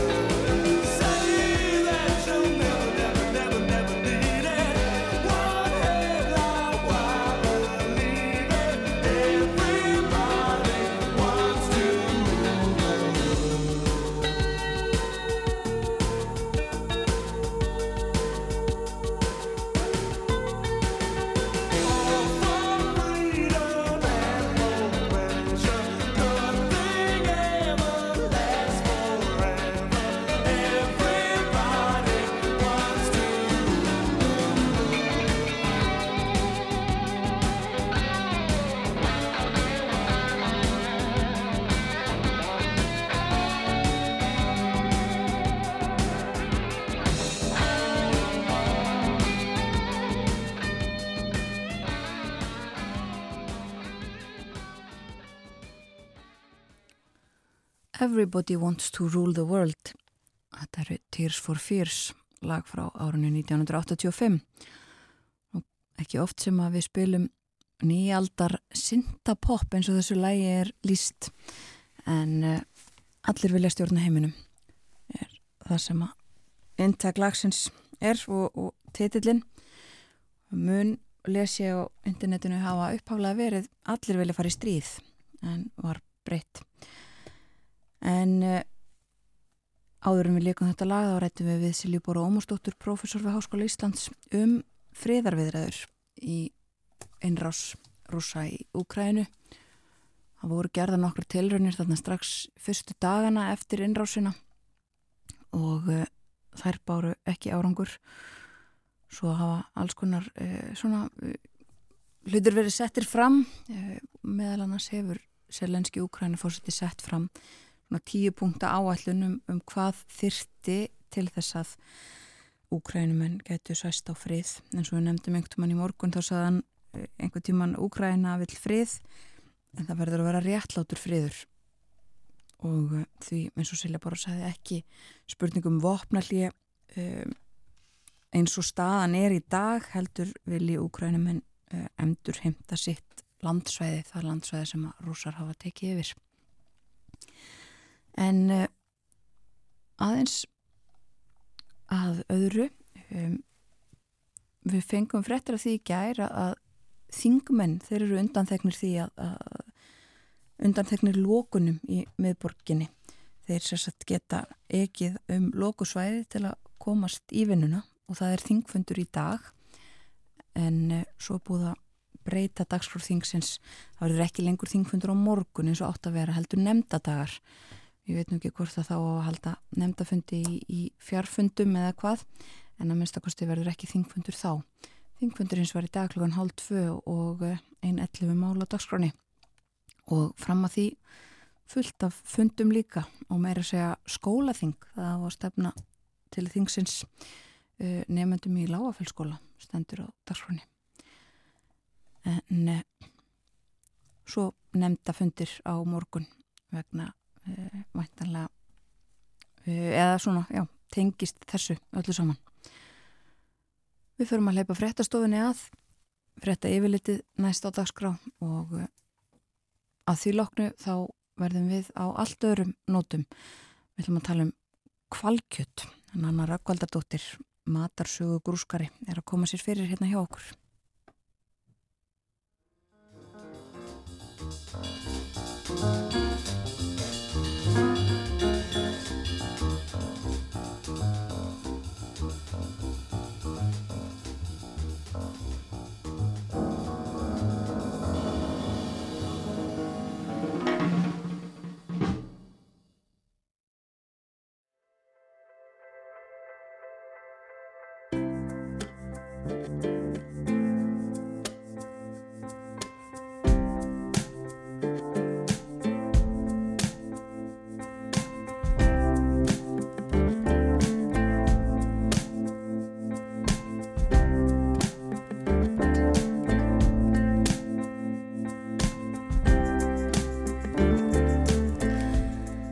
Sæl á ný þyrða hlusta á morgunvaktin á Rás 1. Það er þriðu dagur í dag, klukkan er núna réttliðlega hálf nýju. Og hér næstu mínútur verður spjallaðum kval, kvalkjött. Það var uh, nokkur rætt um kvalveiðar í síðustu viku eftir skýslu matvælastofnunar um þær. Við látum þá hlið mála líka mellir hluta en uh, tölum um kvalkjött. Uh, hvaða sess hafði kvalkjöttið á borðun landsmanna og hefur haft í gegnum aldirnar? Þóttið að uh, herramanns matur og þykir kannski enn. Hér hjá okkur er Nanna Rökkvaldadóttir. Hún þekkir matarsögu Íslandingabísna vel. Er matarsögu grúskari. Hún er líka eldabuska já, og höfundur matreðslu bóka kann ímislegt fyrir sér í eldhúsinu. Velkomin til okkar Nanna. Takk. Já, við ætlum að reyna átt okkur að þess á stöðu kvalkjötsins. Fáir borðaði í dag en fór mikið fyrir því á matselum fólksins hér áður fyrr. Já, var það reglulega á borðum hjá okkur?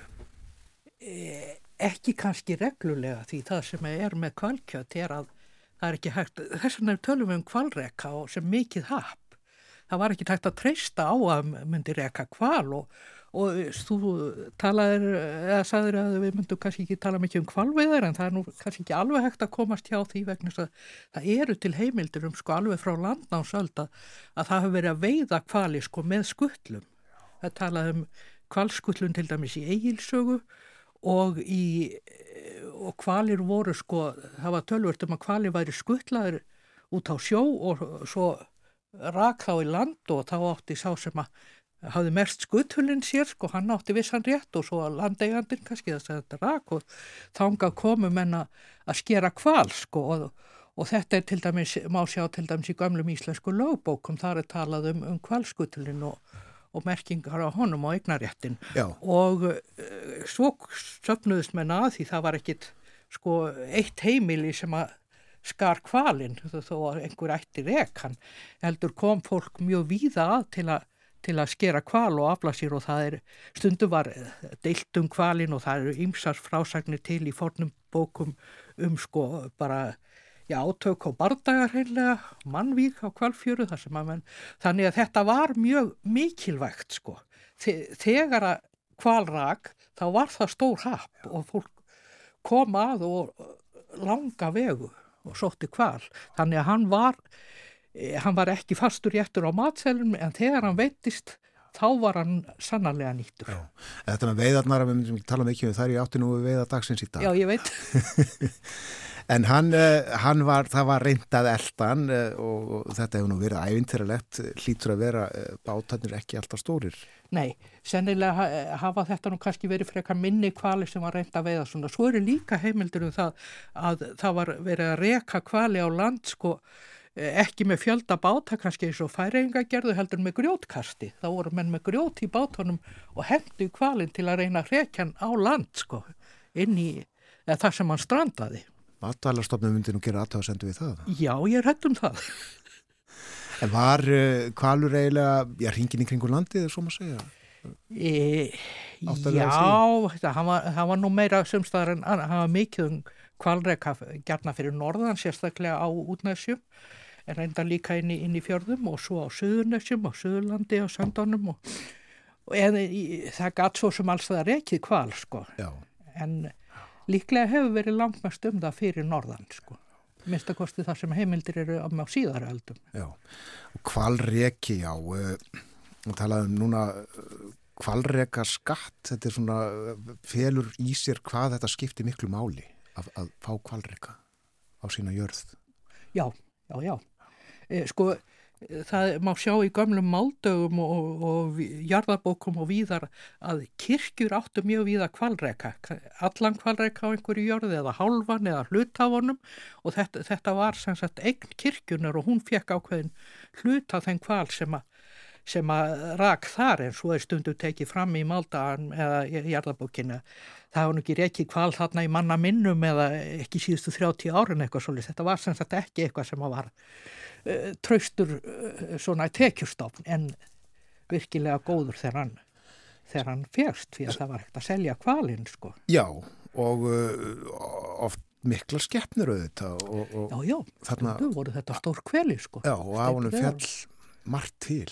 Já, það, það var náttúrulega kjötið sko, svo var spikið og beinin og skýðin, kvalbeinin voru ég að vel notið byggingar til, því þau, ef þetta voru stórkveli og skýðin, um skýðakvölum þau voru, e, það var bæði tálkað úr þeim og eins og kvaltönnunum og svo voru skýðin svona á setniöldum, þá var hægt að selja þau til útlanda og þá voru þau notið í, í pils, sem sem grindur í krínolínur fyrir hvem fólk og, þannig, og síðan var ímislegt að það var allt nýtt held ég. Já, bara fullnýting. Já, eða, svo, eða það var hægt stundum e, gekk nú svo illa að skera kvalinn af ýmsum ástæðum að það nýttist ekki allt en, en allt sem mögulegt var að nýta, það var, það var nýtt. Já, en hvað segja elstu heimildir um uh, kvalkjötið sem mateimitt? Hvað vitu við? Það er ekkit kannski sagt neitt sérstaklega um það hvort að það Jú, það er svona, já það, það var notað á, á allar mögulegan hátt, það var soðið og eitthvað var það steikt og það var súsað og saltað og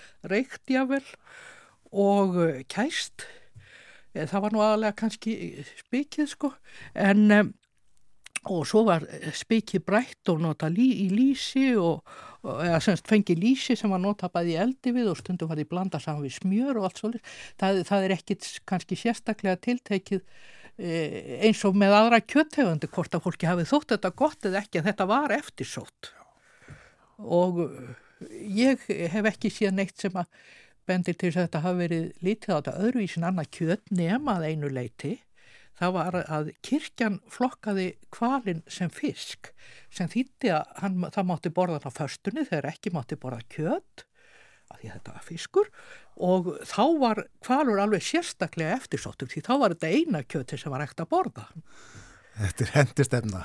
Já, já, maður kannski segja það. En ég, þetta var með blessum kirkjunar sko. Já, já, það er nefnilega það.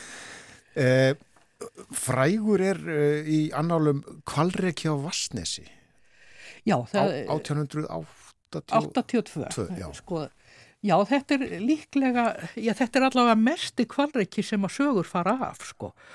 og e, það er oft sagt frá því í annálum í, hér áður fyrir að, að það hafi ekki kval í hallæri og hann hafi bjargað mörgum og þarna gerðist þetta virkilega það hafi verið sko mjög hardur vetur á Norðurlandi og vorið uh, það bara, uh, það kom hafís og fylgti alla fyrði og það komust engi skip til landsins og all kaustaða var á, á búin og átt, það var virkilega orðið hungur sko, kannski ekki eh, komið næri mannfelli en þó, en svo gerist það þarna, eh, það er í lok eh, mæ, 25. mæ minni mig, að, að það sérst frá Vassnesi að það er, er fjöldi stórkvala þarna inni króaður í ísnum og þrengi stöðugt að þeim sko, þarna alveg við landa á ánastöðum.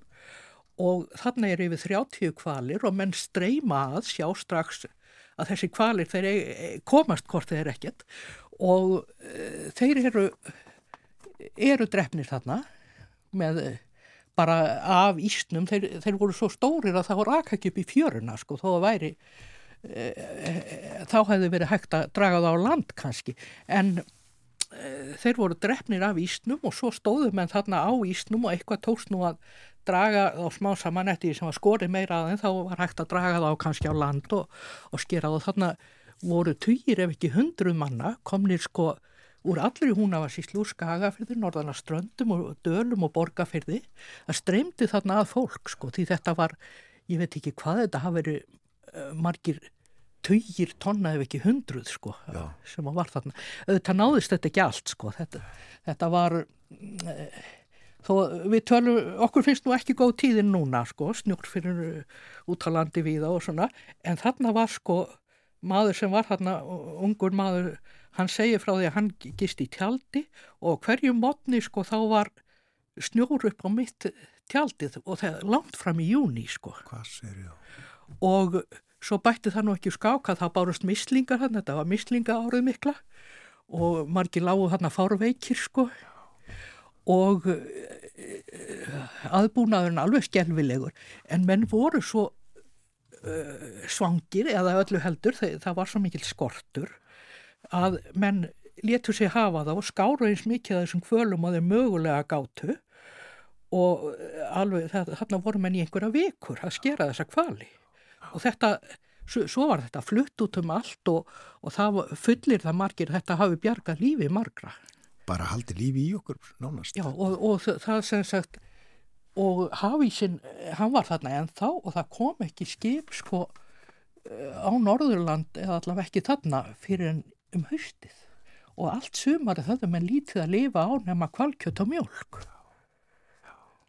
Svo var náttúrulega annað sko að það, það var auðvitað vandamál, þó það væri kannski ekki vandamál í kuldanu hann í júni, en svo fór að verða vandamál að geima þetta sko. Það hlýnaði sem sagt. Það hlýnaði og á þessum árum þá var, þó að væri sko, salt var orðið ódýrt, mann fóru farin að nota salt, en salti var búið líka sko. Og það, er, það eru þarna sögur um að eitthvað af þessum kval hafi verið grafið í jörð sko og var ennþá ætt þó að það væri ekki mjög geðslegt að nú tekið fram en það var, var ennþá ætt eftir fjögur ár þetta var kallað myrkurkvalur Veistu, uh, tókst uh, fólki að skipta þessu svona bróðlega á milli sín eða, eða var hérna deilt um eign, eignar réttin? Það held ég ekki, nei. Eh, meiri segja sko landeigandi sem átti náttúrulega hlut allavega í rekkanum ef ekki allan, ég man ekki hvernig lögin voru þá. Hann var ekki að taka eiginlega neitt fyrir þetta. Hann leiði öllum að koma þarna og skera sig kval og það, það var víðar sko, það rakk kval víðar fyrir norðan uh, þetta vor til dæmis á, á raunum í fljótum sko, það voru reynda bara tveir kvalir en uh, það var sem sagt, eða tveir eða þrýri manna ekki, en um, þar sem sagt létt landegandin uh, gera sko hlóðir í hlöðinu og þar stóð sko held ég bara allan sólaringin pottur það sem að var verið að sjóða kvalkjött sem að hann gaf öllum af sem komu Já, já, já, já. þannig að kvalur, sko, kvalur hefur öruglega mjög oft bjarga lífi margra og það er e, sem sagt en, enga sögur sem ég man eftir af því að það hefði orðið einhverjum að skada sko. Nei, akkurat.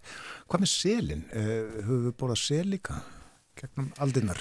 Jú sko, en með selin er allt annað mál vegna þess að hann Sel, það er ekki talað um selreka vegna þess að selurinn var sko, hann kom yfirleitt, hann var hægt að treysta nokkur meginn á, á selin og hann var talin til hlunninda sem kvalurinn var eiginlega ekki sko því hann var svo óvísin en sem sagt á uh, mörgum stöðum þá voru veitir týjir sela sko á hverju, hverju ári sko og hægt að næstum því treysta á það nema ef að hafís eða eitthvað hindraði sko. Já, þótti hann ekkert í hans selgeti? Já, já. Já selur þótti mörgum mikið sælgæti. Já, já. Ég fann auglýsingu í, í uh, blaði uh, frá 1952. Mm. Það er reynda tvær auglýsingar frá fyrirtæki sem að hétt Kjöt og Rengi. Já. Var á Kásnesbröðinni. Eh, Raðfrist kvalkjöt frá kvalháef fyrirlikjandi. Allt kvalkjöt frá kvalháef er háð eftirlit til læknis og opimbers kjötmatsmanns heilsulubyrðir til innanlandsölu, kjöturengi. Svo er hér önnur auglýsing sem er nú ekki síður áhugaverð. Eh, kvalkjött hollfæða er þarna yfirskrift. Atvinnudild háskólans hefur efnagreint kvalkjött og borða saman við aðrar kjöttegundir sem algingar eru hér á landi, dilkalæri og nautasteg. Niðurstöður rannsóknarna sína að kvalkjött stendur sísta baki þessum viðurkendu kjöttegundum að næringagildi en er auk þess auðmeldara svo sem eftirgrindur samanburður ber með sér og svo eru þarna töflur yfir fytu og, og eggjakvítu og fleira. Þetta er 1952. Já, Já. hvalur er öruglega, var e, ekki óhóll fæða sko, reynd ekki og ekkert óhóllari en annað kjöt, það fer eftir hvernig, hvaða maður lítur á það. Hins vegar sko núna þá er að því að hvalurinn er efstur í fæðukeðjunni í hafinu, þá sapnar hann í sig ímiskonar aukefnum kvíkarsilri og fleiru sko þannig að menn eru farnir að setja svona ákveðin spurningamerki við hotlustuna sko, hva, hvað það varðar. Já, þetta er svona nýri þekking sem að þarna er. Já, Já. Og þetta var öruglega ekki sko í neinum mæli hér áður fyrir því þá var, voru þessi aukefni ekki fann að berast í sjóun í þessum mæli sko. Akkurat. En kvalkjött var svo eftir að Íslendinga fóru að veiða kval aftur sko, það var, norðmenn komi hingað eh, um hvað 1865 eitthvað svo leiðis og hófu kvalveðar og voru með kvalstöður hérna en e, 1915 þá var það bannað bæði út af kannski að þeir þóttu vegna ofveð og líka vegna þess að Íslendingar sáu náttúrulega offsjónum yfir því að norðmenn væri að móka upp kval hérna. Og eh, síðan sem sagt Eh, eftir stríð þá eru kvalveða leifiðar að nýju og þá erst kvalustofnaður og svona. Og þá fór kvalur sko að verða eh, miklu algengari matur en áður sko. Og kvalkjött var ódýrt e, fyrsta veturum minn í háskólanum e, fyrir 45 árum sko þá var ég ægilega blöng og ég held ég hafi verið með kvalkjöt í matinn þrjá dag í viku sko. Það var lang ódýrasta kjötið allavega sem var hægt að fá og einlega ódýrasti maturinn lág við sko. Heilan vetur og ég hef ekki borðað mikið kvalkjöti síðan, það verð ég nú að segja. Fegstu nóg bara? Ég fekk nóg, já. Steiktur þetta? Já, ég steikti það eða bjóð til úr því gúlas eða eitthvað svoleiðið sko. Já. Þetta var nú yfirleitt hrefna. Já, já. En þarna á þessari ölsingu uh, sko virðist mér að það sé eiginlega verið að sannfara fólkum að þetta sé allt í lægi þetta sé, Já, þetta er sko, hótt fólk var nú kannski ekki svo vant kvalkjöti þá að einmitt af því að kvalveðar hafðu verið bannaðar sko. Það getur alveg verið sko. Já, kannski voru það ekki alveg bannaðar, það voru einhverjar undan þá en það var allavega ekki mikið um það sko. En þannig farið að veiða, veiða kval í stórun stíl sko. Mér heyrist á þinnan að þú myndir mm, ekkit, sérsta, ekkit endilega að fá þér kvalkjött í dag eða morgun. Nei, ég hef borðað kvalkjött nokkrum sinnum síðustu, á síðustu 45 árum en það hefur yfirleitt verið vegna þess að ég hef, eh, kann ekki við að neyta þeim er bóðið eitthvað sko. En e, svo finnst mér líka sko að kvalveðar séu gjörsamlega óþarfar. Já. Við þurfum ekkert á þessu kjöti að halda lengur, við þurftum á því að halda í eh, þúsund eða 1100 ári eða hvað það var þegar það gafst, þegar það var einhver kvalreiki sko. en eh, við þurfum þess ekki lengur Það hefur kannski einhver áhrif líka. Já. En uh, þó að þú hafi borðað yfir það kvalkjöti þarna á mentaskóla áranum og, og getur ítla að hugsa til þess í dag að fá þig kvalkjöti þá, þá erum við nú ólík og uh, með ólíka bræðluka mm. það er auðvitað til það fólk sem finnst þetta að vera bara Já, mjög gott. já, já, já, ég skil það alveg, mér fannst þetta gott áður Já. fyrir þennan vetur sko. þá gæti ég borða kvalkjöld með bestu list sko. Og ég gerði það svona framan af vetri en ég, jú, jú, auðvitað e, það, það á kannski ekki alveg að banna kvalveðar og svo en e, ég held að það sé, það er ekki við þurfum þess ekki sko. og það eru mjög fáir held ég sem að e, virkilega sækjast eftir kvalkjöti maður sér það, fæst eiginlega aldrei í búðum ef það, ef það væri eftirsótt þá myndi það fást, ég trú ekki öðru Það er nefnilega það. Hún sér þetta ekki í borðunum sko. Mm. Þakka að kellega fyrir að kominga á morgunvaktinu Nanna. Takk fyrir. Tala um uh, kvalveðar, uh, já, neyslu kvalkjöts fyrr og nú. Nanna Rökkvaldadóttir, matarsögu, grúskari og eldabuska.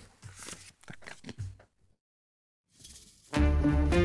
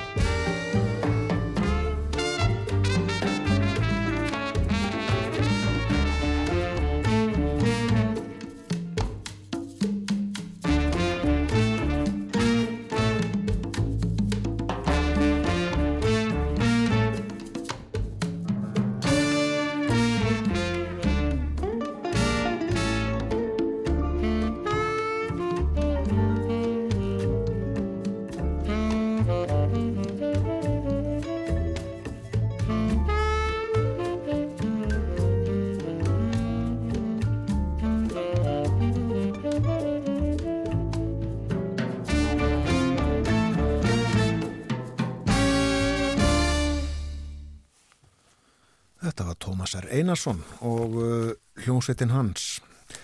Lægið þið heitir eða hétt hægt en bítandi af plötunni Latinball í Búðardal sem var hljóðrituð í félagsheimilinu í Búðardal sömari 2014. Og þetta var síðasta efnisatrið á morgunvaktinni í dag. Já, er ekki fleira hér í handriti hjá okkur? Nei, við höfum komið við að við, töluðum snemma í morgun við Þórsna Júliusson, rittstjóra heimildarinnar, uh, rættum ímislegt fjölmart raunar við hann. Fórum yfir þessa e, nýju úttækt alþjóða gjaldiri sjósins á stöðu efnahagsmála hér á Íslandi. Bárum saman fjármál og skuldastöðu sveitafélagana á höfbrukarsvæðinu og svo fjalluðum við ymsett fleira, meðal annars matsfyrirtækin. Já, þetta varð uh, óvænt uh, endulitt uh, hérna Já. 15 ára aftur í tíman eitthvað svo leiðis talaði um matsfyrirtækin standard, standard og púrs og, og, og fits og eitt eitt mútis líka talaði um alþjóð og gældur í sjöðun já, AGS og, og meiri segja kom líbúhætt við sögu. Já, og svo var þetta líka til umfyllunar tæpla 10% af verðbólgan. En svo rætti Silja bara Ómarsdóttir prófessor við okkur um friðarviðræður í Úkrænu. Hvað hefur verið reynd, hvað hefur verið lagt fram og, og eh, svona, hvernig geti þetta litið út e, þegar að e, stríðinu líkur, hvernig svo sem að það gerist og hvenar. Og svo núna síðast var hjá okkur Nanna Rökkvaldardóttir fór yfir söguna og uh, nýtinguna á kvalkjöti og kvalveiðar í svona aldanar ás eða gegnum tíðina. Hún myndi sjálf ekki fá sér kvalkjöt núna og sagði þannig í lokinu mitt, við, við þurfum það ekki, við þurfum ekki að veiða kvalin, kvalin lengur. En þetta var þetta, uh, mikið nýtt þegar að kval rak. Við þakkum samfélgina í dag, uh, höfum sett ég síðan fyrir sjö og uh, gerum aftur á morgun miðugudag. Múnum að þið njóti dagsins. Verðið sæl.